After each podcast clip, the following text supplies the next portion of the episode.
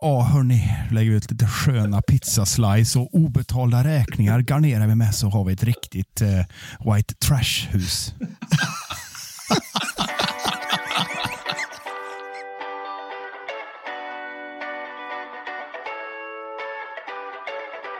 Can Manchester United score? They always score.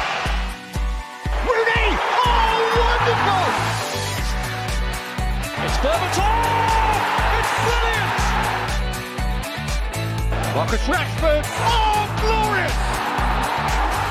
That is a special one! It's Beckham! It's a beauty!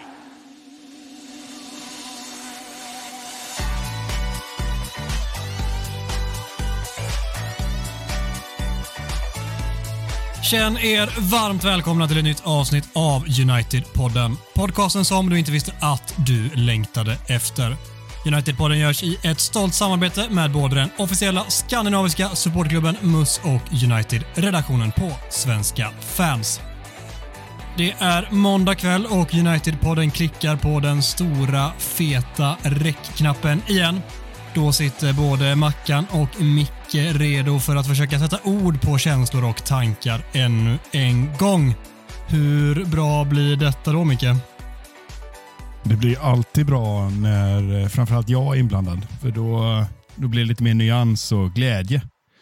Utan mig så hade det här varit en jävla dödgrävarpodd. Alltså. Det, då hade alltså antalet, eh, nej man ska inte prata om det, men antalet eh, sjukskrivningar hade ökat lavinartat tror jag.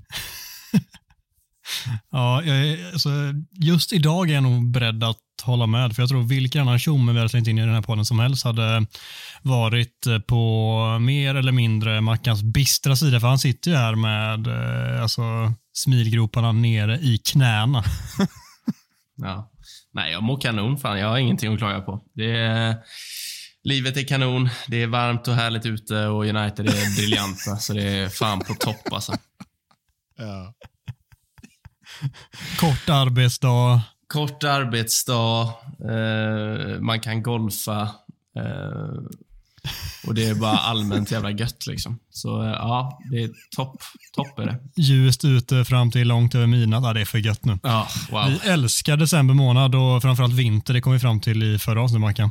Mm, men jag tycker att vi måste få in lite, lite vinterhat varje avsnitt nu fram tills att det blir ljust igen. Alltså.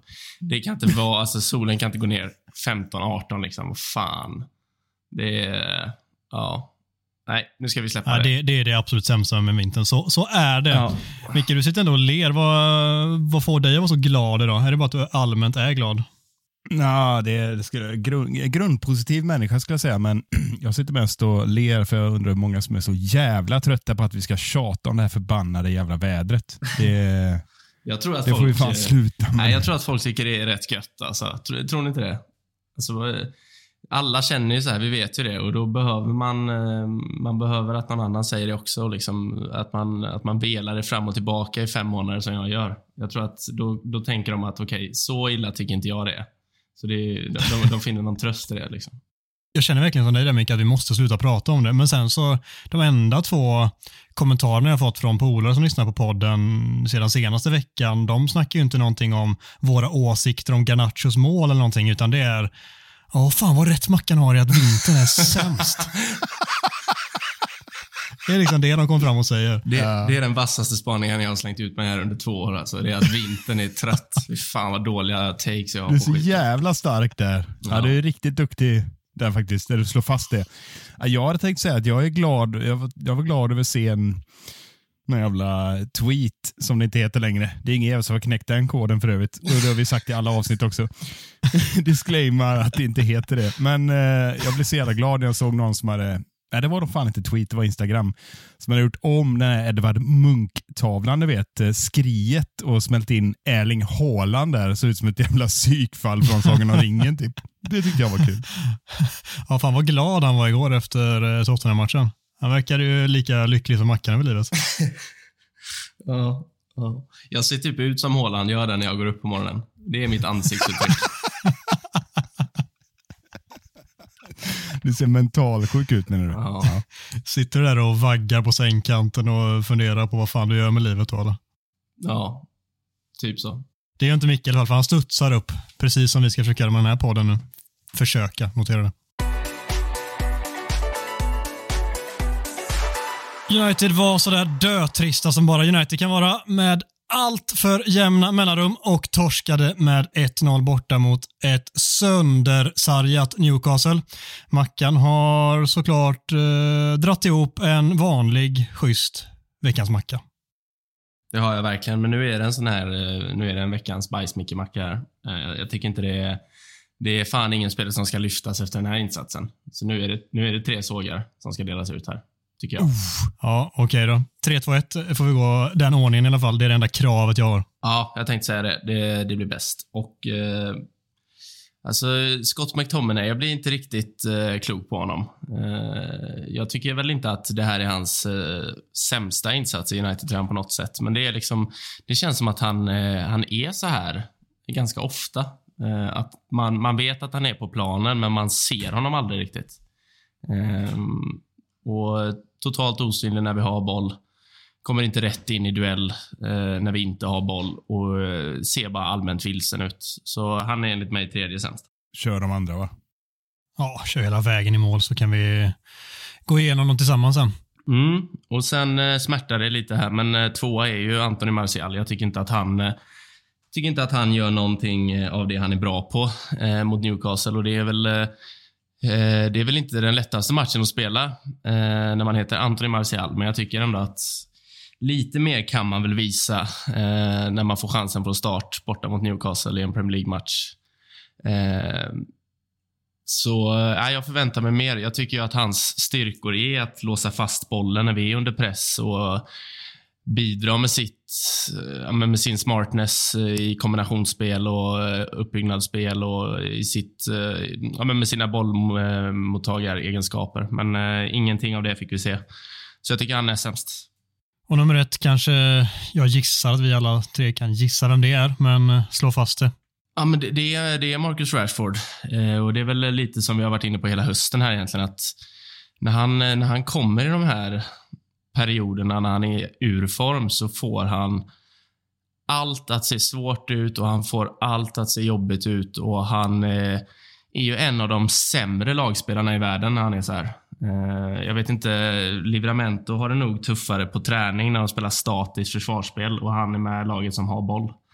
Ehm, eh, så nej, det är bara för dålig, alltså dålig insats när han har boll. Han, han hittar inte på någonting. Han har tappat sin touch. Han eh, är helt ofarlig och sen är han ju helt obefintlig i pressspel och försvarsspel. Jag tror, jag tror inte det finns en sämre försvarsspelare i Europa än Marcus Rashford. Eh, det måste vara hemskt att ha honom på sin kant när man ska försvara. Så jag, även om Wan-Bissaka inte gjorde sin bästa match så tycker jag väldigt synd om honom. Alltså. Eh, så Rashford får höja sig på alla punkter. Försvarsspel, pressspel, eh, offensivt spel, med boll, utan boll. Ja, allt egentligen. För nu är det, nu är det så långt ifrån godkänt så jag vet inte vad. Alltså. Jag tror inte vi ska fastna för mycket vid Rashford. Vi kommer att prata om honom mer senare, men eh, det är i alla fall jag kan konstatera att det säger en hel del att man saknar Anthony på den platsen i, i den här matchen. För i något han gör ofta så är det åtminstone springer i defensiven. Sen har det sett sådär ut tidigare, förutom den här Galatasaray-matchen där jag tycker att han tog ett kliv åt rätt håll, men det är nog att eh, hoppas på för mycket att det ska hända någonting där. Oavsett så är jag helt med. Rashford är etta, Martial tvåa. Jag tror att Micke och jag vet inte fan vad jag tycker sånt där. Kanske att McTominay är där, men det känns som att Micke inte kommer tycka det. Det känns som att du satt och skakade på huvudet där. Nej, alltså det, jag tycker Mackan har rätt, eh, men däremot så har ju hela världen nu blivit experter på Ten Hags man-man-spel. Och framförallt så är ju Eddie Howe ganska duktig på det. För det var helvete vad avslöjade vi blev. Och Vi har ju sett den här modellen funka eh, förra året några gånger, bland annat mot City hemma. När vi lyckades ta bort dem tack vare att eh, hela laget jobbade i, eh, som en enhet. För det krävs ju trots att man spelar man-man. Och Du nämnde det från början. Alltså Vi börjar längst upp. Martials uppgift är att sätta pressen på bollförande mittback. Eh, helt enkelt förstöra så att den, inte bollen kan spelas upp direkt från bakplan. I det här fallet så väljer ju eh, innermittfältarna att följa varsin gubbe. Bruno tog Bruno, McTominay tog den här tjocka jävla bjässen, Joel Linton och eh, Kobe tog hand om eh, vad heter han, Miley. Och Det bygger ju på liksom att, att de inte blir överspelade. Det, det Newcastle gjorde så jävla snyggt, som väldigt många konstaterade, det var att de här Newcastle-mittfältarna tog löpningar eh, som gjorde att det öppnades upp en stor yta eh, och sen kom Isak ner. Isak var för övrigt såklart bäst på plan tycker jag. Otroligt bra insats. Kom ner och sökte upp Maguire och ja, fintade bort honom var och varannan gång. Och Det här hände hela tiden och sen kom Livramento som ett skott och då stod Rashford och tittade på. Så Martial och Rashford tycker jag är fullständigt katastrofala i försvarsspelet den här matchen. Och sen eh, med boll så eh, inte nog med att Newcastle var jävligt bra att eh, inte låta dem vända. Och när de vände så fick Rashford bollen mot samlat försvar och där har han inte självförtroende att uträtta någonting överhuvudtaget. Men jag håller med dig, Mackan. Alltså, du får ju nästan gå till Lionel Messi. Eh, eller vad har du mer för spelare som eh, skiter i försvaret? Tyvärr så är Rashford inte i form att skapa som Messi gör när han spelade PSG och spelade Barca. Han kunde vandra där. Det finns ju filmklipp på honom när han bara står på plan i typ sju minuter i rad när det andra laget tar bollen. Eh, det går inte att spela eh, ett sånt spel när man är, inte bidrar offensivt. Så de två är urusla i den här matchen. McTominay han blir slagen av en bättre spelare. Han förlorar klart matchen mot Joe Linton. Det jag tycker kan ursäkta McTominay lite är att han får gå ner och täcka ibland eh, för eh, Rashford, hjälpa Wan-Bissaka.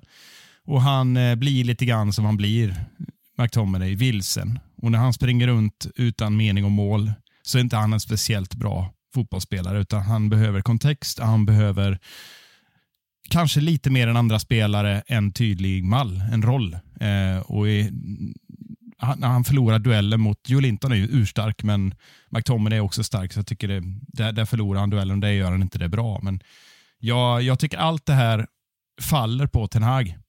Eh, att ställa ut Rashford och ge honom den rollen i den matchen eh, och inte kan se att han inte tar det jobbet. Det ligger fan på Ten Hag. Jag tycker han borde bänkat Rashford och släppt in honom sista 20 istället. Jag tror vi har fått mer effekt på det.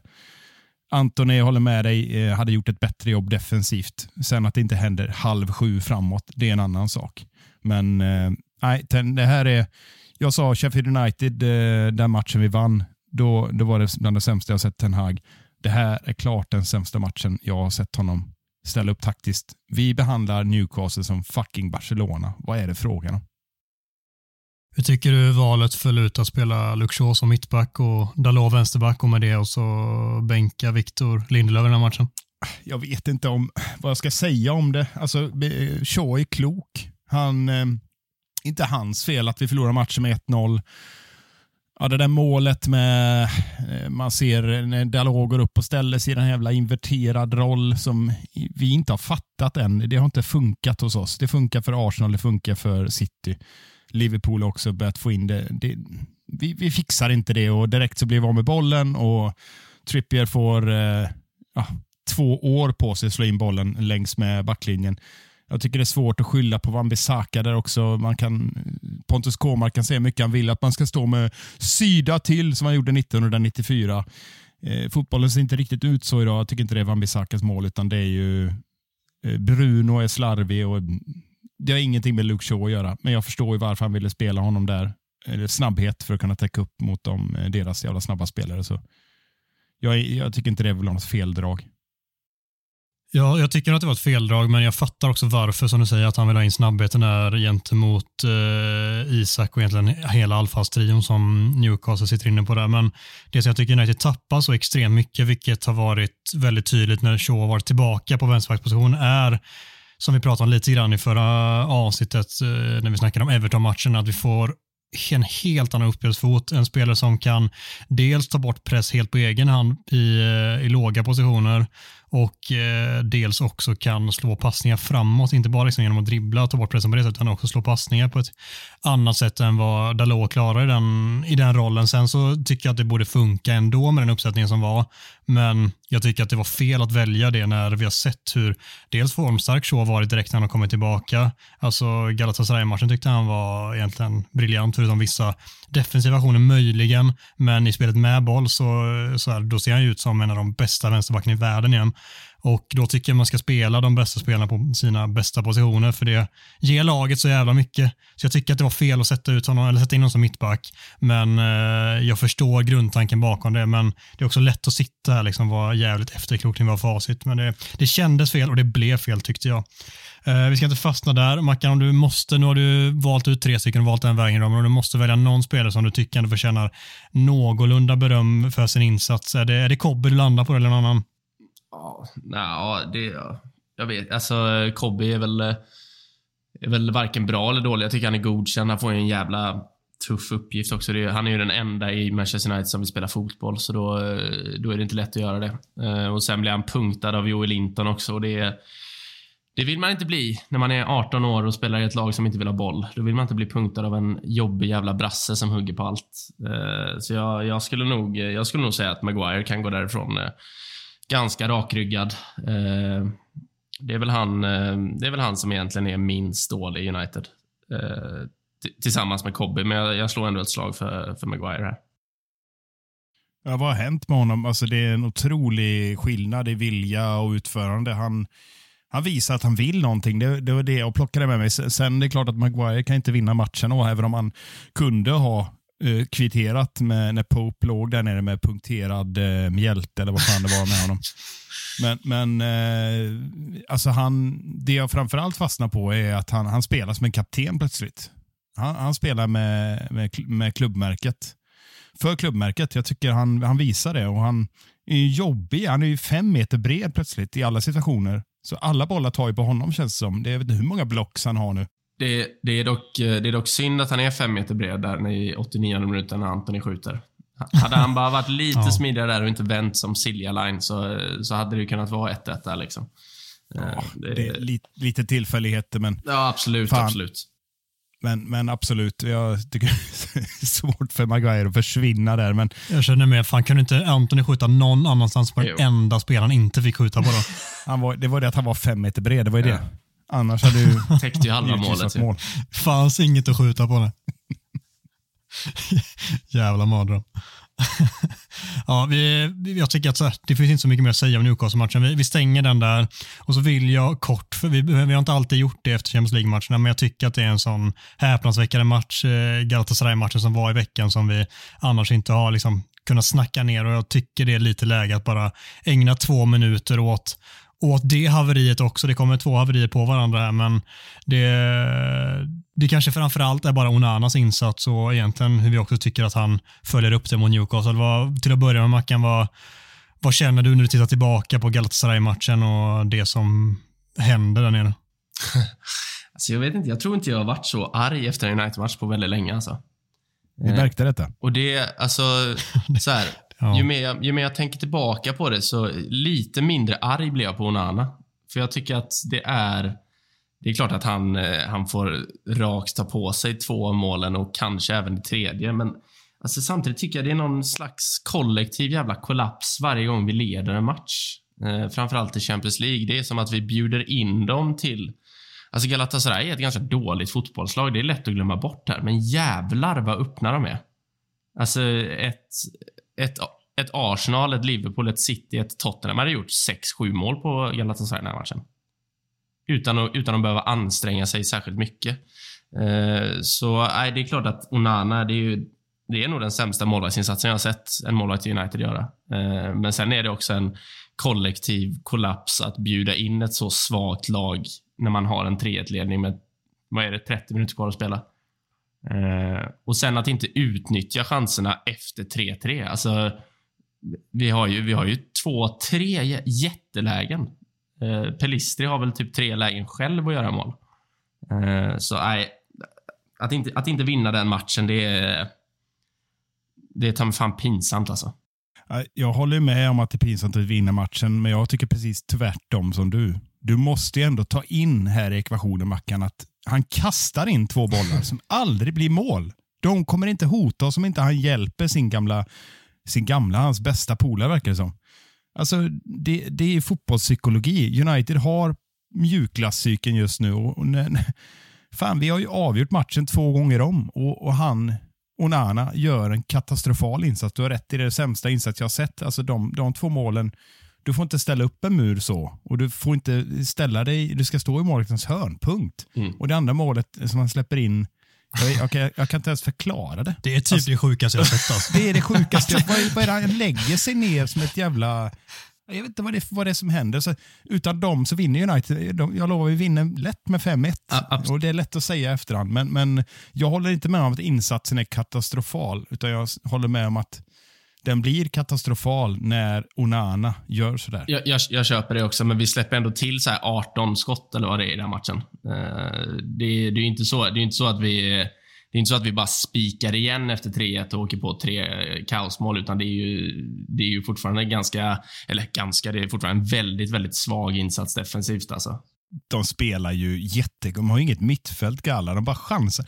Det sjuka är vid 3-3, de tjänar mest på en poäng. Då spelar de typ som att de ligger under med 0-3. Det är det sjukaste jag har sett. Ja, och United lyckas inte utnyttja det. Det är så jävla Alltså, det- dåligt lag. För att United kryssar mot det. Ja, det Ja, där är vi överens. Det Fattar är uselt att kryssa, Ja. men vi är inte överens om hur vi kunde kryssa. United gör fem mål på två matcher mot Galatasaray och tar en poäng. Alltså det Det är är, det är så svagt så det är, jag vet inte, jag vet inte vad jag ska säga alltså. Ja, det är saknar motstycke. Jag tycker också det är helt sinnessjukt att United, vad är det, är det fyra poäng United har nu? Alltså har fyra poäng och fortfarande chans att gå vidare med sista omgången. Är, Världens sämsta Hur? Champions League-grupp.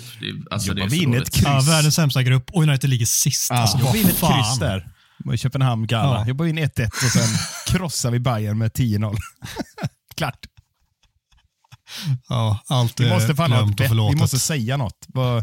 Vad, gör vi om det sker? Liksom? Vi måste göra något då. Alltså det förvånar mig typ inte om, om, om det blir kryss i Köpenhamn, Galatasaray och så leder United mot Bayern med typ 2-0 eh, i minut 75.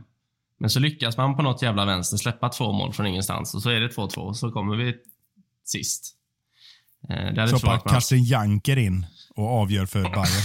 Karsten Janker. ja.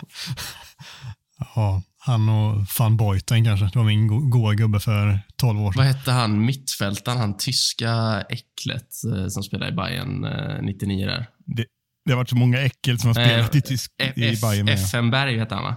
Stefan Effenbergs eh, gamla sängrökan. Ja, ja, det kan jag tänka mig. Alltså. Sängrökan.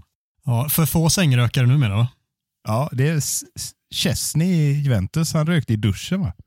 Ja. Eller Idol. Bar- Bartes också. Bartes var en riktig duschrökare. Alltså. Han stod och bakade pizzor och sen bara, nu jävlar tar vi en här gulbländ här. Surdegspizzorna. Wow. Vi lämnar det segmentet och med tankarna på en uh, surdegsbakande, rökande Fabian Barthez.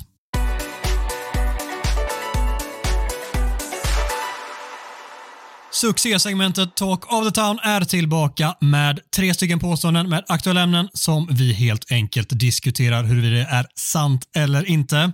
Och veckans första lyder så här. Utgångspunkten att United ska utmana om titlar varje år är inte realistisk. Och eh, Mikael Martinsson får väl bara brösta den och köra.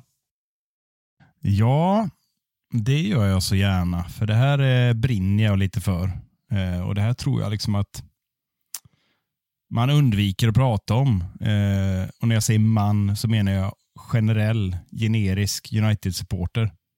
Eh, och jag tror precis det är det här, jag ska komma till vad fan jag menar här med att det inte är realistiskt. Jag skulle vilja säga liksom det har inte varit realistiskt något år egentligen sen Sir Alex Ferguson, för det enda vi gör är att eh, hela tiden jämföra med hur United var under honom. Det är ju det som är linan. Och då blir ju allting blir ju uselt om vi inte når det. Och då tänker jag liksom att de här för högt uppskruvade förväntningar som är liksom, jag tror det är orsaken till allting som är runt Manchester United. Det är liksom, det enorma snacket, det enorma liksom mediatrycket, allting eh, är sprunget ur att vi är den eh, stora bjässen på dekis. Liksom. Det, det, är ju inget, det är ingen vrålstark spaning, men det är ju det det handlar om. Och Då tänker jag liksom att den här andra platsen som Mourinho fixade, som var hans greatest achievement, eller vad han sa, och eh, Oles andra plats, det viftar vi bort. Liksom. Det, för oss är det ingenting. Och säga oss, kanske även jag räknas in. Jag ska inte säga att jag står vid sidan och har en glasklar eh, bild. Jag är också en besviken supporter, men jag tycker liksom att de övriga titlarna vi har tagit, de här löjliga ligacuptitlar och FA-cuptitlar och Europa League, det skiter vi också i. Det är inte värt någonting. Det är bara kass, det är bara det är en transportsträcka mot där vi egentligen ska vara. Och då tror jag liksom att media pumpar liksom på den här bilden.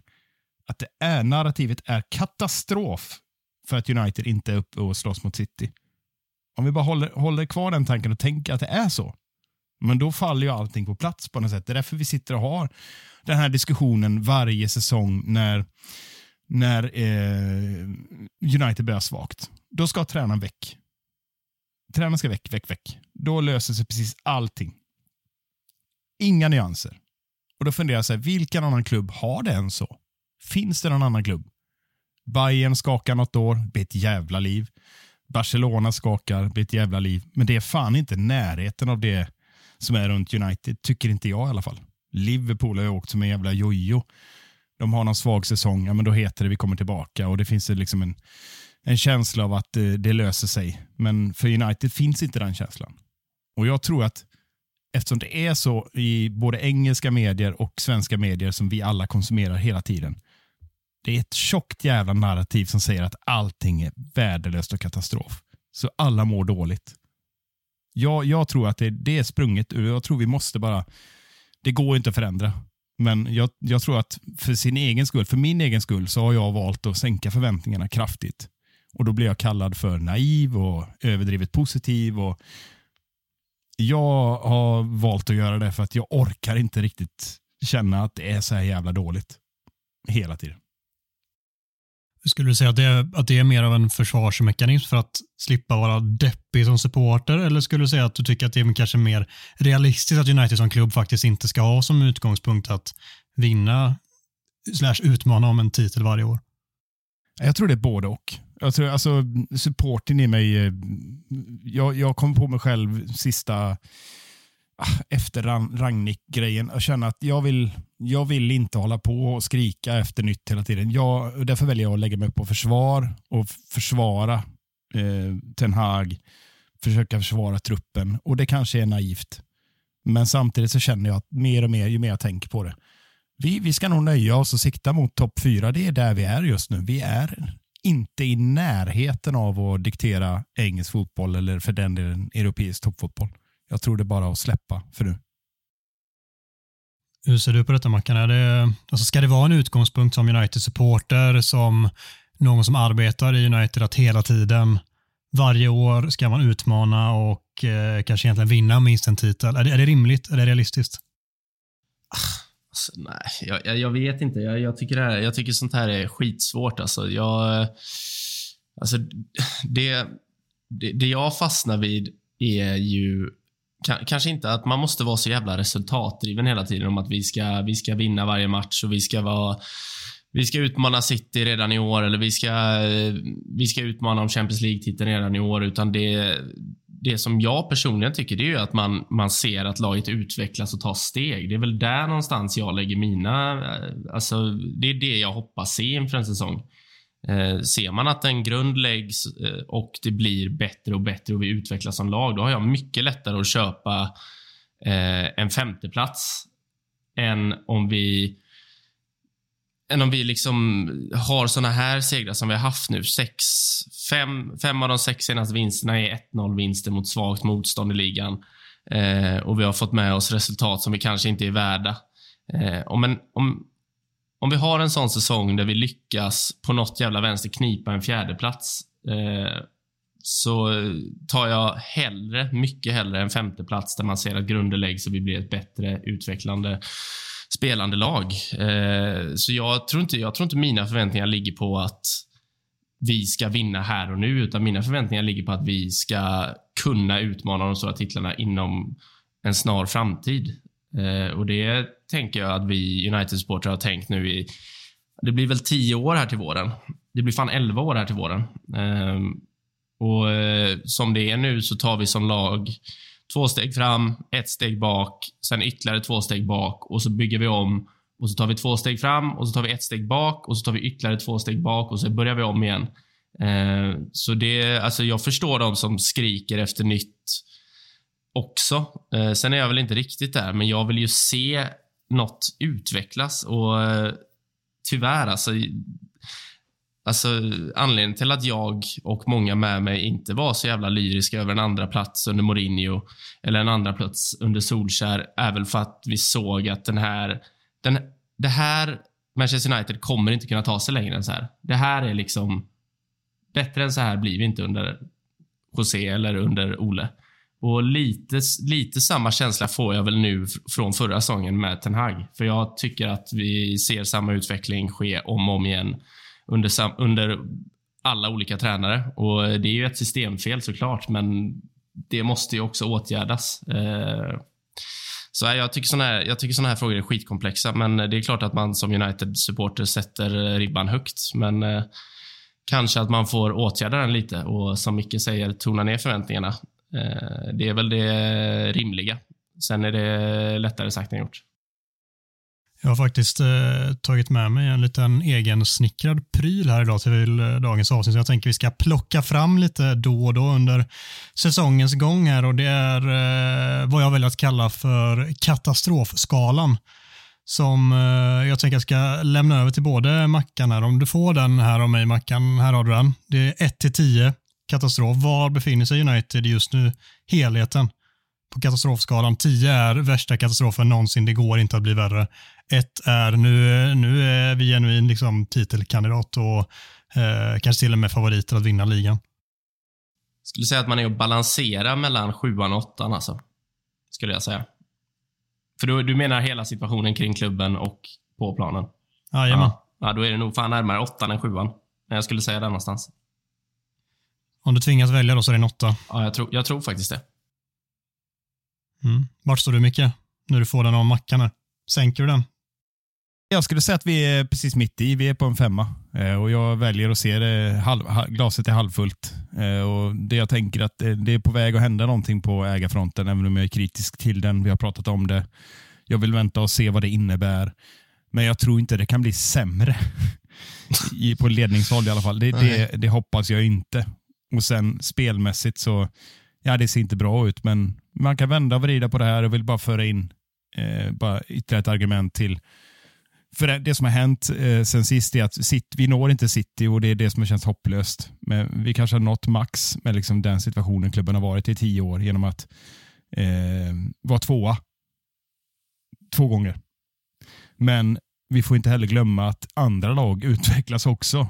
Och det tar man inte hänsyn till. Att Arsenal har liksom utvecklats efter 20 års kräft, kräftgång. Men jag, jag, tror att... Till att bygga. Jag tror att, eller jag... det, det, glömmer alla och det, det, får inte ske såklart, tycker man ju. Men det är precis som att det, det, det är helt omöjligt i ekvationen att Arsenal kan stöts upp och, och vara bättre. Det är bara att erkänna de är det nu. Ja, ja. Alltså jag, nu talar jag ju bara utifrån mig själv, men alltså, eh, om, vi, om vi tar den här gångna helgen då som exempel så så sit, sit, jag tror jag kollade alla andra topplagsmatcher. Eh, kombinerade lite Chelsea och Liverpool där i, igår eftermiddag. Men alltså... Det, det, känns bara som att de tar steg, kanske inte Chelsea. Eh, det är väl jävligt eh, generöst av mig att säga att de tar steg, för de är ju om möjligt typ lika kaosartade som United. Men eh, om, om, vi, om vi tar Aston Villa med i beräkningen istället eh, för Chelsea. Så det känns som att de tar kliv hela tiden och när man ser deras matcher så ser man liksom en enhet. Och nu pratar jag, nu pratar jag Aston Villa, Liverpool, Tottenham, City, Arsenal. Man ser en enhet spela fotboll. Man ser spelare som vet exakt vad de ska göra och man ser eh, tränare som har värvat spelare ut efter hur de vill spela. Eh, och Det har ju inte Manchester United gjort sedan Ferguson lämnade. Eh, och Det är ju det vi ser på planen när Manchester United spelar. Vi ser elva eh, bra fotbollsspelare som inte vet hur de ska spela tillsammans. Eh, och det, det, är ju inte första gången nu under Ten Hag, utan det, ju, det, har ju varit ganska återkommande. United har ju, det har ju inte varit så att United har haft urusla spelare eh, och varit mycket sämre på individuell basis än vad de andra topplagen har varit. Utan det har ju varit att vi, vi ställer elva spelare på planen som var för sig är bra fotbollsspelare, men som absolut inte är eh, värvade för att kunna spela tillsammans och få ut sin, det bästa av varandras förmågor. Det är, så jävla svårt kan det inte vara att efter tio år på något sätt tweaka på det. Eh, och Det ligger ju såklart på ledningen. Eh, sen måste jag bara säga det att det är kul. Micke är mer positiv i allt kring United eh, än vad jag är. Men kring den här nya ägarkonstellationen så är jag rätt positiv. Alltså. För nu känns det ju som att alltså, om allt som skrivs av trovärdiga källor stämmer så börjar det ju ändå närma sig en lösning där vi kan få kan få lite struktur och kan få lite, lite människor med kunskap på rätt positioner i klubben. Så där om någonting är jag väl lite positiv. Ja, Adam vill in och sätta sitt betyg på, på sin katastrofskala. Roligt, roligt inspel. Vi visste inte om det. Det var kul. Men eh, innan det vill jag bara säga att jag håller inte med om att United inte har vetat hur, man, hur de ska spela överhuvudtaget i tio år. Alltså, säga vad du vill om Mourinhos dödgrävarfotboll, men det var väldigt tydligt hur vi skulle spela under honom. Det, det, tycker jag i alla fall, även om det var lite kaos där också på slutet. Men han är inte otydlig, det vill inte jag säga. Och, och även, även eh, Louis van Gaal hade sin spelidé som bitvis funkade. Inte heller det så roligt. Ole, jag vet inte, han hade sin omställning det var ganska tydligt bitvis också. Så att jag vill inte säga att det är totalt herrelösa hundar som har sprungit omkring i tio år, även om det har varit så på tok för ofta. Det håller jag med om. Ah, no, det är bra att du lägger till det. Det håller jag med om också. Adam, vad är det riktiga utslaget på katastrofskalan? Ja, men det är solklart en sjua. Oj. Jävlar, du kommer ut som negativ. ja, ja, men det, det, jag tycker det är svårt att vara annat just nu. Jag, jag fick något eh, flax förra veckan. Jag kanske inte var på din nivå Micke, men jag kände fan att nu kanske det ändå börjar hända något efter Everton-matchen där och det kändes som att det närmade sig med eh, Kobbe och Luke Shaw och allt eh, vad det var liksom. Men den här senaste veckan har ju mm, kastat upp verkligheten rakt upp i ansiktet på en igen. Så uh, jag kände att uh, jag är nog där uppe nu på en, uh, på en, en sjua faktiskt. Och det, det är inte så jävla roligt att vi är här igen. Jag, jag ser att många där ute säger att det här är det värsta de har sett i United. Det tycker fortfarande inte jag att det är. Men vissa insatser är liksom på den nivån, men helheten av det här laget som Ten Hag har just nu tycker inte jag är sämst eh, någonsin eller sämst sedan Sir Alex, men det är ibland där uppe och nosar, tyvärr. Och det är jävligt, jävligt tråkigt att se. Med det sagt så bara för att återknyta till eh, själva huvudpåståendet att utgångspunkten att jag ska utmana om titlar varje år inte är realistisk så, eh, så här, jag köper egentligen delvis bådas argument där jag till stor del eh, ser precis på det som, som Mackan gör, att det är prestationer som, alltså min mitt sätt att se på fotboll är att prestationer föder alltid resultat i slutändan och inte tvärtom. Jag, jag kan fascineras ibland över liksom det här Real Madrid, eh, eh, vad ska man kalla det, Real Madrid-grejen att så här, där vinner man bara. Det spelar typ, du behöver inte spela på något sätt, utan du ska bara vinna och att det funkar och har gjort det så många år, det, det kan jag fascineras över. Men jag tror att det är snarare undantaget som bekräftar regeln för mig att det, det bästa sättet och för mig enda sättet att nå framgång är att prestation, prestation, prestation. Till slut så kommer det föda framgångar och resultat och alla är nöjda. För annars blir det bara kortsiktigt och det kommer kanske flyga en gång, men så får man börja om igen. Så ehm, så ser jag på det och därför så känner inte jag att vi måste vinna en titel varje säsong, men det känns som att det är det som, som du säger Micke, att det är det som blir narrativet och det som trycks in i väldigt många supportrar och som många blir matade med. Och Eh, där kanske det är svårt att navigera ibland som supporter. Att på något sätt hålla två bollar i luften samtidigt. Att ja, det är fan Manchester United där vi ska vinna titlar. Men också se till att hur, hur vinner man titlar? Då? Vi är ju inte där och gör det just nu. Och att på något, sätt, på något sätt landa i att det kanske är bara att se rakt in i vitögat att det är här vi är just nu och det som krävs för att vi ska ta oss framåt är små steg framåt i taget och inte hitta någon jävla quick fix. För det har fan inte funkat för typ något lag någonsin. 100% enig. Erik Ten Hag tränar inte United nästa säsong. Och här kan man ju ta två vägar, antingen vad man tror att det blir eller vad man vill att det ska bli. Och eh, Jag tänker nästan att vi får gå lite kort varvet runt vad, vad man tycker och tänker här och jag låter dig börja Mackan. Eh, kort så säger jag att jag tror nog att eh, vi får se en annan tränare för Manchester United nästa säsong. Eh, om jag vill det är jag mer eh, kluven till, men jag tror att det blir så. Mm. Vad, vad tänker du Micke, kort bara? Nej, jag tror inte det och jag vill inte det. Jag tror att det blir så.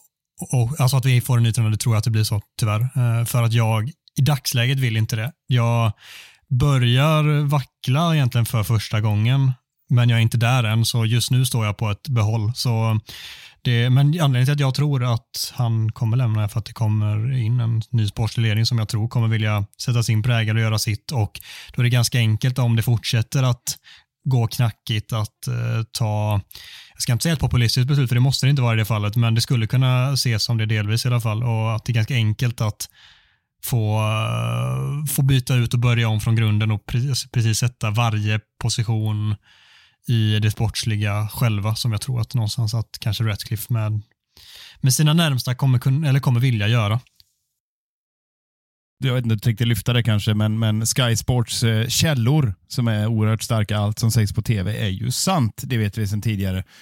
Eh, jag är fullständigt allergisk mot allt sånt när man eh, antar att vem som helst, eh, någon eller ingen har sagt att det är ungefär 50 procent som tycker att och så packar man ihop alla rykten som har varit nu sista tiden. Ja, då vi får springa för mycket och vi vet inte varför vi springer och vet inte vilket håll och hur vi ska spela och citat seniora eh, spelare i United eh, tycker att eh, Ten Hag är för hård och för robotlik i sitt sätt. Alltså, Okej, okay, så det är någon jävla sinnessjuk absurd demokrati. Eh, alla ska få tycka till hur man ska spela. Eh, jag vet inte hur det är, men jag, jag viftar bort det där. Det är bara en del i det här jävla narrativet att allt är katastrof och det närmar sig ny sportslig ledning. Det är naturligt att de här ryktena bubblar upp när United har sex förluster i ligan och 2000 förluster i Champions League. Men jag, jag tänker också så här att ja, jag tar på mig dumstruten och var lite positiv och vi, vi kommer komma till det sen med förra veckans town hall och sådär. Eh, att vi, vi kände lite, lite inspiration och ville kolla läget med vad, vad alla tror och tycker om vi kan vara i titelrace. Nu förlorar vi mot Newcastle och då får man stå här med dumstruten och, och efter kaosmatchen i veckan så, så är det klart att det är totalt hjärndött och vädra morgonluft in, och så blev det så här. Men jag vill ändå bara påstå och föra in i diskussionen att eh, det, är, någon, det är något nyförvärv, det är några mm, spelare tillbaka från skada, det är någon eh, studs som studsar rätt för en gångs skull, så kan det här lika gärna snabbt vända. För så många poäng sämre än fjolåret är vi fortfarande inte. Och då slutar vi trea. Problemet i år är att de flesta topplagen har börjat jävligt bra. Och det är mycket svårare. Så att jag, det är det jag menar, jag blir fan tokig på det här katastroftänket och börja om med De Serbi och allt vad det är. Alltså jag, jag fattar vad du säger Micke, men jag, jag tänker bara så här att vi, om vi kollar på den här säsongsinledningen. Förra var inte heller bra, absolut. Eh, men den här säsongsinledningen så har vi varit usla eh, i, stor, i stora mängder av matcherna. Eh, och de poängen vi har tagit, det är ju en överprestation i sig. Jag ser ju inte jag, jag ser inte att vi har haft otur och borde ha haft fler poäng. man kan säga att vi hade otur mot Arsenal och Garnacho var en millimeter offside eller var han ens offside? Eh, och tre poäng där, det är klart att det gör skillnad. Men alltså, jag vet inte riktigt vad det är som, som Ten Hag vill. vill. Jag, jag, kan inte, jag kan inte sätta fingret på vad, vad det är han vill uppnå. Han säger att vi fortsätter följa planen. Men vilken jävla plan är det då? Kan, kan han inte bara förtydliga vad det är för plan? För jag ser det inte och många med mig har inte den blekaste om vad han vill uppnå. Och Det är klart att jag, en trött eh, United-supporter i Göteborg, inte behöver veta vad Ten Hags filosofi är. Men det hade ju varit kul om man såg en uns av det. Eh, och bara, ah, okej, okay. ja, men nu, nu förstår jag nog vad det är vi vill eh, uppnå. Eh, men det gör vi ju inte. Och han blev ju rekryterad till Manchester United på grund av sättet han har fått sitt Ajax att spela på. Eh, med en possession-baserad fotboll där han alltid har förutspråkat kontroll. Eh, och sen har han bara släppt de två principerna helt. Det, jag, jag, jag, kan inte, jag kan inte minnas en match den här säsongen där vi har haft kontroll. Alltså de sex senaste matcherna där vi har vunnit fyra av dem har vi haft 106 skott emot oss. Eh, v vad är det? Mot ganska mediokert motstånd. Vi har mött Köpenhamn, vi har mött Luton, vi har mött Galatasaray, vi har mött Everton. Vi har mött Newcastle eh, och något jävla sketgäng till. Eh, och vi snittar liksom 20 skott emot oss per 90. Eh, vi släpper ifrån stafettpinnen hela tiden. Du sa det förut själv. Vi behandlar Newcastle på St. James' Park med 16 spelare borta som att det vore prime Barca. Eh, vad, vad, vad är det han vill? Jag, jag, har så svårt, jag har så svårt att acceptera en så duktig tränare och allt han visar i Ajax. Bara släppa alla de principerna. För det han visar i Ajax, jag ser ingenting av det nu. Vi är ett högintensivt lag som, som lever på att vinna boll högt och eh, nöta ner motståndarna på så sätt. Alltså det, det är ju ett spel som kommer fungera i enstaka matcher. Det är ju inte, det är ju inte ett vägvinnande spel som kommer funka över 38 matcher. Aldrig i livet. Och det har vi sett. Alltså jag, jag tycker det största beviset är hur vi spelar mot de andra topplagen på bortaplan. Eh, man, man, kan, man kan ibland släppa ifrån sig stafettpinnen mot ett sämre lag borta eh, och gå på deras misstag. Det såg vi mot Everton. Eh, det är lätt att glömma att Everton nog borde ha gjort två mål minst också. Eh, så, så alltså, jag har, jag har resultatraden här på borta, borta resultaten mot topp 9 sedan Ten Hag tog över. Det är alltså... Det har vi sett. Ja, men vi, vi ska ta upp det ändå. För det, det, här, det ligger någonting i att det är så konsekvent jävla uruselt. Det är alltså 0-4 mot Brentford. Det är 3-6 mot City. Det är 1-3 mot Aston Villa. Det är 2-3 mot Arsenal. Det är 0-7 mot Liverpool. Det är 0-2 mot Newcastle. Det är 2-2 borta mot Tottenham där vi leder med 2-0 i paus. Det är 0-1 borta mot Brighton. Det är 0-2 borta mot Tottenham. Det är 1-3 borta mot Arsenal och det är 0-1 borta mot Newcastle. Det är alltså 9 gjorda och 34 insläppta på 11 matcher. Det osar ju inte kontroll och vägvinnande spel. Vad, vad vill han uppnå? Det är ju de här matcherna, Nej, alltså, det är de här matcherna som definierar säsonger för topplag. Alltså det är, är här man vinner eller förlorar i ett titelrace eller i ett Champions League-race. Ja, nu har inte jag sett hemmamatcherna, men jag tror inte det ser ut riktigt så. Jag håller med dig. Borta har det inte sett bra ut mot topplagen, men jag vill bara jag irritera mig lite på att du liksom, i alla segrar vi har tagit så, så, skulle det andra laget gjort 2000 mål och så skulle vi förlorat dem också. Så du, du har ett narrativ där United är totalt värdelösa även när vi vinner. Och Men det, är, alltså, det går det faktiskt inte det, att ha det. Det är ju inga komfortabla segrar vi har tagit förutom matchen mot Everton. Det är ju inte Men det. vi vann ju. Det kan man säga om alla jo, men, matcher som jo, Arsenal vunnit med 1-0. Nej, det kan man inte. För om du, om du kollar på Arsenals matcher så är det kontroll. Alltså de vinner med 2-1. Nej, de, inte alla matcher. De vinner med 2-1 mot Wolverhampton.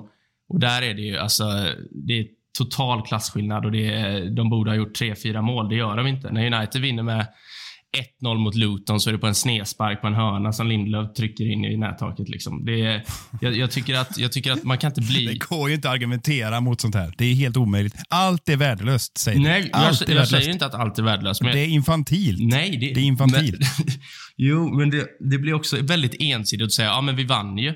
Jo, men det är ju inte vägvinnande fotboll, Mikael. Det är ju det här vi pratar om. Man kan inte, man kan inte man kan inte förlita sig på att vi kommer scrapa oss till Vinna matchen handlar det om. Men, jo, jo, jo. Det handlar jo. om vinna matchen. I de, under de 90 minuterna, men det kommer, det kommer ju aldrig leda till något mer än kanske en femteplats.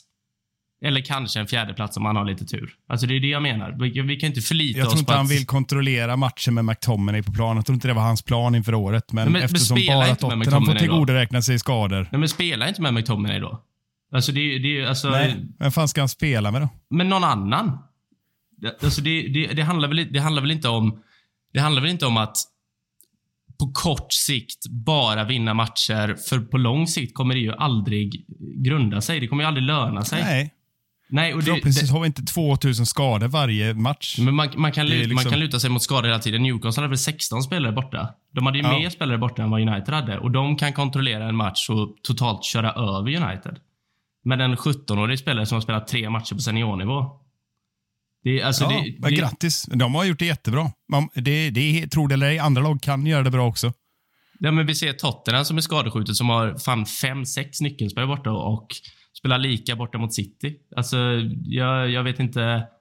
Jag, jag, vet inte vad... Det är klart att resultaten bestämmer hur, hur, eh, var du ligger i tabellen, men det kommer ju aldrig Alltså det kommer ju aldrig löna sig i det här spelet. Det är bara där jag fastnar hela tiden. Om vi, om vi vinner med 1-0 mot Luton och Sheffield United, men får storstryk mot alla andra lag på övre halvan, då, men då, är vi, då kommer vi hamna 8-9 liksom. Det är ju bara så det är. Och där är vi väl inte nöjda. Oavsett om vi Nej. har fem eller sex skador. Oavsett om, om, om, Ten Hag- om, om alla vet att McTominay inte är en mittfältare som man bygger ett kontrollerande, passningsorienterat spel med. Varför spelar han i Manchester United då? Mm. Förmodligen hade inte han, han hade inte haft många minuter om alla hade varit skadefria. Det vet du och det vet jag. Så hade det varit. Han hade inte spelat då. Åh, nej, jag, jag vet inte alltså. Han, gick, han, han spelade väl även när Mount var frisk. Han spelade väl även när Eriksen var frisk. Så jag vet inte vem, vem som ska bort. Ja, För att han, han, han är en av få som har gjort en bra säsong. Det ligger någonting i det också. Men, men alltså jag, jag håller med. Det ser inte bra ut. Nej, det är inte Ajax-spel. Nej, det är inte City-spel. Nej, nej, nej. Vi är inte i närheten. Men eh, ska, skadorna har ändå haft en inverkan på hans plan att bygga upp det till någonting. Det har inte funkat. Vi har vunnit åtta matcher. Jag tror fan vi får vara nöjda med det. Det, det är inte bättre än så just nu och jag håller med. Jag vill inte heller ha det så här. Jag tycker det är asjobbigt att det är så här. Det är sjukt jobbigt, men man kan inte hela tiden säga att ja, den matchen borde vi förlorat med 10-1, men nu hade vi tur och vann med 1-0. Det går inte att hålla på och tänka du, så. Du, du drar det till en extrem också. Det säger jag inte. Jag säger bara att folk kollar på 3-0 mot Everton och säger ja men fan kontroll och du, du var lugnt och sansat. Men det, det var ju inte lugnt och sansat. Om vi ska vara helt vi ärliga. vann med 3-0. Jo, absolut. Men det var väl som Gustav, en sån eh, 3-0-seger som satt långt inne. Alltså det, Jag kan jag, sträcka mig till det. jag menar bara, kollar man på resultattavlan 3-0 så, så bara, ja fan, nice. Alltså det är klart, jag klagar inte på att vinna 3-0 borta mot Everton, men jag försöker bara kolla på insatsen också. Eh, Man kan inte bara kolla på resultattavlan, även om det är jävligt kul att göra det ibland, för då ser det ju bättre ut än vad det faktiskt har gjort. Just nu får vi nog tänka oss att göra det ett tag till. Jag, är, jag, jag kan inte säga något annat. Vi har veckans townhall kvar där vi var inne och fingrade lite på den innan, eller framförallt Micke var det där han skulle disclaima sitt eget påstående. Men eh, det var, handlade helt enkelt om ni var i team positiv eller team negativ. Manchester United är tillbaka i titelracet och ja, det slog ju såklart jättefel, vilket Micke eh, redan har eh, berättat för oss. Eh, det var alltså 19,4 procent som svarade ja och 80,6 procent som svarade nej. Ganska väntat. Jag är nästan förvånad över att det inte var fler som svarade nej om jag ska vara helt, helt ärlig. Men eh, med det sagt får vi lyfta upp någon kommentar i alla fall. Har du hittat någon här Micke? Ja, men jag tycker eh, FPL Controller som eh, alltid är lugn och sansad och fin här i, i sina kommentarer. Han har något här. Eh, skriver så här. För att det ska kunna bli ett race så måste vi ha ett lag som kan utmana oss. Jag ser inte vilka som skulle kunna utmana, utmana oss som titeln, så jag svarar nej. det var jävligt kul. En liten rebus. Ja, det fick man jobba med eh, järngympa. Eh, man kan hitta någon också eller? Ja, men jag, jag hittade en nu som jag tänker jag måste lyfta. Jag måste lyfta Sadja Azari här ändå. Som skriver jag är alltid team Macke i alla frågor. Han är typ min förebild. Skulle han bara ha Globetrottens röst skulle han vara fulländad. ja, jag, är, jag, jag är fan väldigt långt ifrån eh, Gustavs eh, släpiga stockholmska, alltså. Tyvärr. Eh, så riktigt fulländad är jag inte. Men eh, det är fint Sajjad. Jag gillar dig också. Tror du inte det var sångrösten han var ute efter det? Ja, det måste varit sångrösten? Wow. Pilsk sångröst. Ja. ja, jag lyfter upp eh, J. Albin 5 som eh, ofta kommenterar också. Som att eh, säga att Degerfors skulle vara i Europaracet efter krysset mot Elfsborg. Att påstå att United skulle vara i ett titelrace. Jag tycker det ligger något i det också om jag ska vara helt, helt ärlig. Eh, med det sagt så ska vi lyfta upp veckans Townhall som lyder så här. Om Marcus Rashford inte byter inställning så ska han säljas. Det är typ den eh, jobbigaste punkten vi någonsin haft i den här poddens historia enligt eh, undertecknad. Ja, ska jag ta den för laget? Ja, kör. Nej, alltså. Det måste ju vara att han lipar över Sancho eller något. Det måste ju vara något sånt. Eh, jag är så jävla trött på det här nu. Det, att, att det ska vara kuddrum. Jag älskar Rashford. Det gör nog de flesta United-supportrar. Vi vill så gärna att det ska vara 30 mål varje år. Men jag måste fan hålla med om eh, ranten som eh, Cheryl Roy Keane eh, rev av. Han, han var inte nådig eh, när han förklarade hemjobbet. Och Alltså det finns inga ursäkter. Det, fin det har vi varit inne på tidigare. Det finns inga ursäkter att inte ta jobbet och att springa runt och tycka synd om sig själv och sätta sina lagkompisar i skiten när man är en local lad, när man är en förebild för väldigt många. Jag tycker det är så patetiskt. Och är det så att han inte kan ge åtminstone energin, då ska han inte spela. Men Ten Hag har inga andra alternativ. Han vill få igång Rashford. Han försöker och försöker och försöker. Skulle han bänka honom så kanske det blir ännu mer. Men alltså, det får vara slut med det här jävla kuddrummet nu. Och fortsätter han så här, då, då är det ingen idé att ha kvar en sån spelare med den lönen, med de förväntningarna. Det sänker bara resten av truppen. När just han beter sig som han gör. Vilken annan spelare som helst hade varit fastnitad på bänken. Det var någon, jag vet inte vem det var som sa det, men han, han liknar Martial och det är ingen, det är ingen trevlig liknelse eh, i, for, i, i, form av att eh, Martial skiter i allting. Jag tror det var Roy Keane som var inne på det också. Sorry att jag håller med honom bara här, men jag tycker han hade så jävla rätt i det. Och det här är fan, det är bedrövligt. Bedrövlig jävla inställning, så jag säger fortsätter han så här, då kan vi lika gärna sälja. Ja, alltså det minsta man ska kräva av en spelare, särskilt på den allra högsta nivån, är att de åtminstone försöker och, och springer. Och um, om Rashford tänker fortsätta vara på det sättet så är det så svårt att se hur det ska finnas en framtid för dem i klubben oavsett vad man tycker om honom eller inte. Och du var inne på det, de allra flesta håller säkerligen honom nära hjärtat. Jag håller honom extremt nära hjärtat. Det är kanske den enda spelaren jag liksom har fått några egentliga liksom känslor för i vuxen ålder. Och det gör att jag kommer alltså alltid backa honom till 100 procent. Så här, och nej, jag kan, jag kan vara kritisk och frustrerad och arg när det liksom inte funkar, för det, det gör att det typ tar mer på mig. Jag blir så jävla ledsen att se det, för han är en sån fruktansvärt bra fotbollsspelare i grund och botten och en, eh, av allt att döma utifrån i alla fall, en otroligt fin människa, vilket har med alltså, allt att göra kanske till att jag också tagit till med honom så otroligt mycket som jag har gjort och därför blir det, det blir så jävla svårt att eh, bara ropa liksom att eh, om inte han skärper sig nu ska han säljas för är det inte precis, eh, om vi ser bortser från liksom att den biten eh, som vi pratar om här med hans inställningar så är det i grund och botten liksom allt det som Rashford står för är inte precis det vi ska värna om och det är inte det som ska vara Manchester United, det är inte det som ska vara en Manchester United-spelare. Det är en egen produkt uppväxt i, i Manchesterområdet som i grund och botten älskar klubben, som inte vill vinna med en annan klubb hellre än vad han vill vinna med Manchester United. Det syns inte just nu och det kan man verkligen ifrågasätta varför det inte gör det. Jag tror att det finns något djupare där. Det måste göra det. Det är, det. det är den enda förklaringen jag finner. Eller så är det någon form av försvarsmekanism för att jag vill fortsätta tycka om den här spelaren så mycket. Och då tänker jag falla för det i det här fallet. För jag, jag vill så gärna att han ska vara kvar. Så jag, även om jag så här, håller med att han måste byta inställning så jag tycker inte han ska säljas även om man inte byter inställning liksom i, i, i det korta loppet. Fortsätter det långsiktigt, det är klart som 17, då finns det ingen som, kan, som vi kan försvara. Men jag tycker det här är en spelare som vi ska på riktigt värna om. Han ska inte, vi ska inte använda, vad var det för, för term, liksom så här kudd kuddrum, liksom att, det, att det är motgångar, det är så jobbigt och då ska, man liksom bara, då ska vi bara förstå det. Det ser ut så på hela hans kroppsspråk att, att eh, ja, men nu har jag det jobbigt och då, då är det så och jag får vara sur och ledsen när jag tappar bollen. Alltså, det är bedrövligt tycker jag.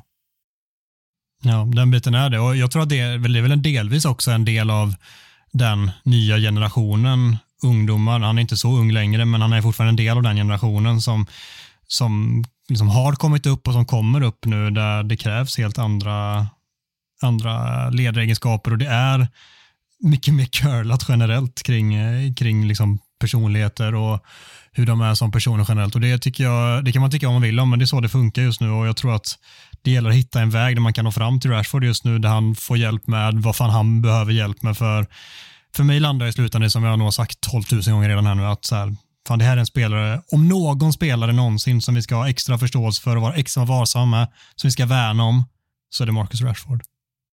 Ja, jag, jag håller med dig Adam, men uh, han, gör det inte, han gör det inte lätt för en. För att, uh, jag, jag, ty, jag, tycker, det, jag tycker det är rätt elakt av Roy Keane att jämföra honom med Martial. Jag, jag förstår det. Men Rashford ser ju om möjligt ännu mer ointresserad och loj ut uh, när han är i de här svackorna. Jag, jag, vet att vi var inne på det även under Rangnick, att alltså, jag vet inte, han är ju inte bra på någonting då. Alltså Martial kan ju vara, Mar. Martial kan ju fortfarande vara bra eh, i vissa sekvenser av spelet när han är trött och lat och inte gillar fotboll. Alltså Mar Marcus Rashford kan ju inte ens, han, han är ju inte ens snabb nu. Alltså han, han tappar ju alla sina spetsegenskaper när han kommer i de här svackorna. Eh, men eh, jag, jag håller med dig i ditt långa resonemang Adam. Jag tycker att eh, om det är någon i den här jävla spelartruppen vi ska värna om lite extra så är det Rashford. Eh, det enda jag börjar tvivla på är, fan ska det vara tough love med Rashford eller ska man bara vara en jävla gullegris? För det känns som att det, det känns som att det funkar inte alls att vara hård under Mourinho eh, och Rangnick. Eh, och nu verkar det inte fungera att vara gullig-gullig heller. Eh, det känns som att Tenag har försvarat honom 25 gånger den här säsongen. Eh, men vi får liksom inte se vi får inte se något annat ändå. Eh, så det är klart, jag, jag, jag tycker inte man ska sälja honom varken på kort sikt eller lång sikt, men jag tror nog att en, en bänkplats här eh, har han förtjänat. Ja, enig.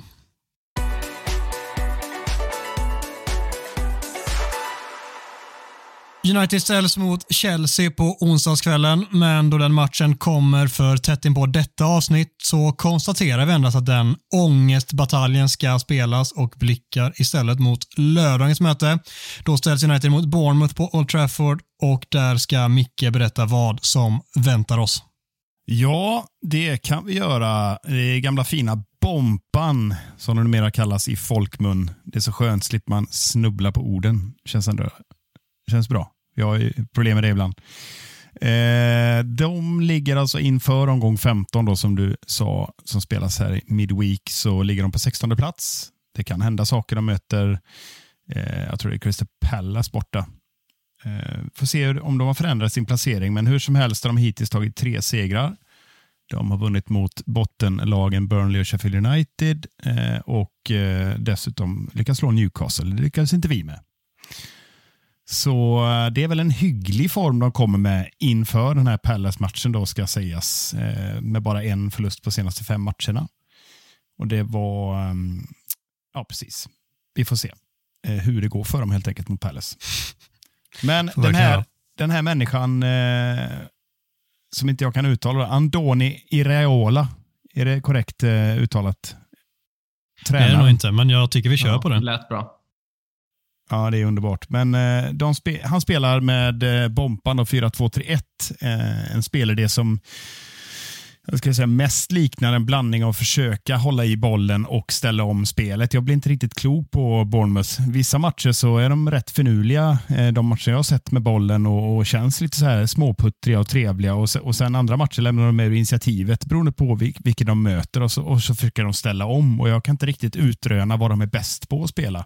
Ett oberäkneligt lag skulle jag säga. Ett av de lagen som jag har minst koll på, även om jag har sett serien tre, fyra matcher per år.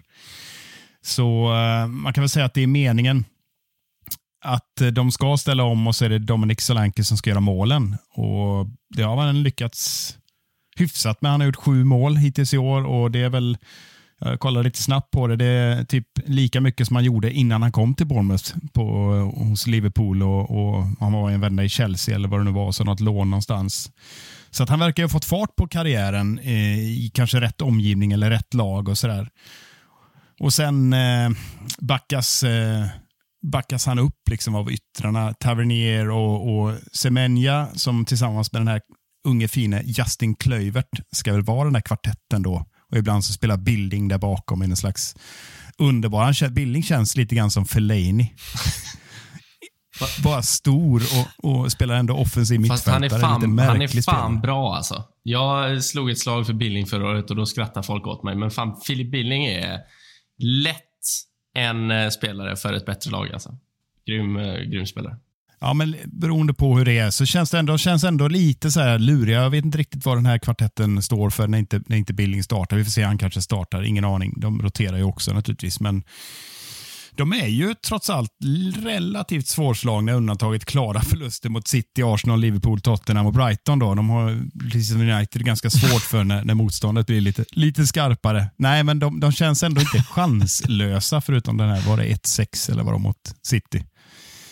Men eh, lite quiz då. Hur har det gått i inbördes möten? Eh, sedan de gick upp här 2015 så har vi mött dem 12 gånger i ligan. Och Frågan är som vanligt, då har vi lätt eller svårt för dem? Lätt. Ja, vi har väl det. Jag har någon jobbig match i åtanke, men generellt måste det vara lätt. Jag kommer ihåg, Ja, eh, har, har, de, har, de vunnit, har de vunnit en match eller? De har vunnit två matcher. Två. Nio segrar United, en och då två förluster. Två förluster.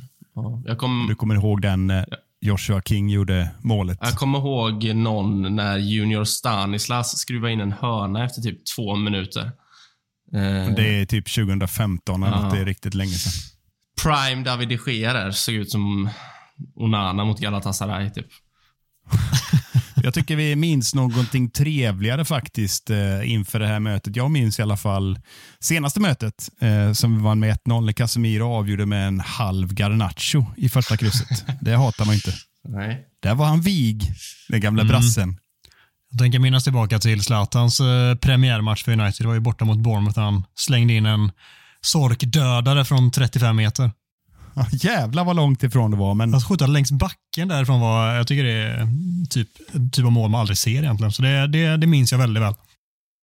ja, det, känslan är att oavsett vad vi minns så ska vi vinna den här jävla skitmatchen lätt. Annars vet jag fan vad jag gör. Så är det verkligen. Och eh, gör vi det Micke, och i så fall med vad?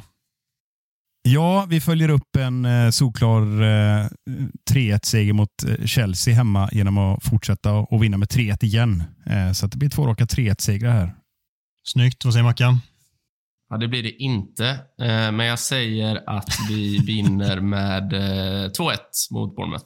Snyggt. Det blir 0-0 Chelsea och eh, 2-0 mot eh, Bournemouth. Det får helt enkelt bli så. Vi avslutar med ett par eh, lyssnarfrågor. Det är väl på sin plats innan vi klappar igen butiken.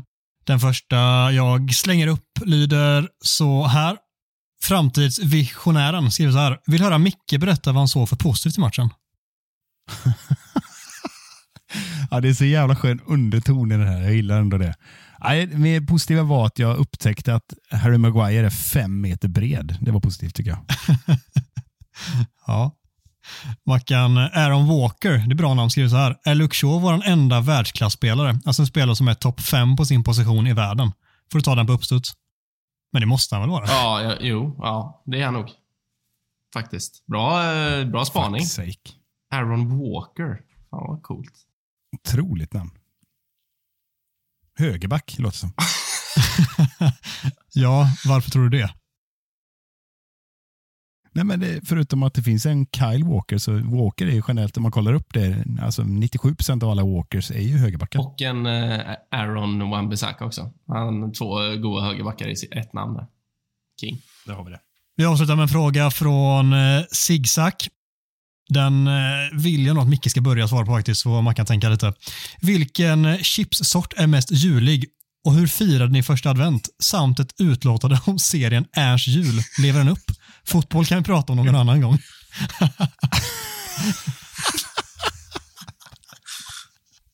Jag älskar det. Det är alltid den frågan alltså. Ja, du får börja med vilken chipsort som är mest julig. Ja, vad fan har vi där? Nej, men jag brukar ju smula ner lite chips i mina så här, eh, cola-recept. Är det Har ni sant? testat det någon gång? Ja, visst vet du. Men Är det allra lättsaltat då eller? Nej, men eh, fan, det blir lite fel. när de- det smular ner lite ostbågar i en gammal klassisk kolasmet. Det blir, det blir mums. Jag kan rekommendera det. Jävlar. Så ostbågar är svaret på chips. Okej. ja, ja, vi får väl eh, ta den. Uh, Mackan, hur firade du första advent? Eh, du, den firade jag lite smått bakfull. Eh, tog en promenad genom ett eh, soligt Göteborg och eh, käkade en lunch på Kungstorget. Eh, fina köttbullar, potatismos, sås och lingon. Dyrt, men bra. Ja, dyrt men bra. Det låter som, en, eh, som ett toppbetyg på första advent. Micke, Ja. du får avsluta då med den sista frågan här. Ett utlåtande om serien Ernst jul. Lever den upp? Ja, det är ju typ 350 säsongen ändå. Ernst. Ja, det, jag, jag kom bara på en grej jag tänker på Ernst. Det var typ Partaj eller något. Eller det var Hey Baberiba. Någon som gjorde en, eh, en imitation på Ernst. Det var kul. Jag lägger ut lite, ja hörni, lägger ut lite sköna pizzaslice och obetalda räkningar garnerar vi med så har vi ett riktigt eh, white trash-hus.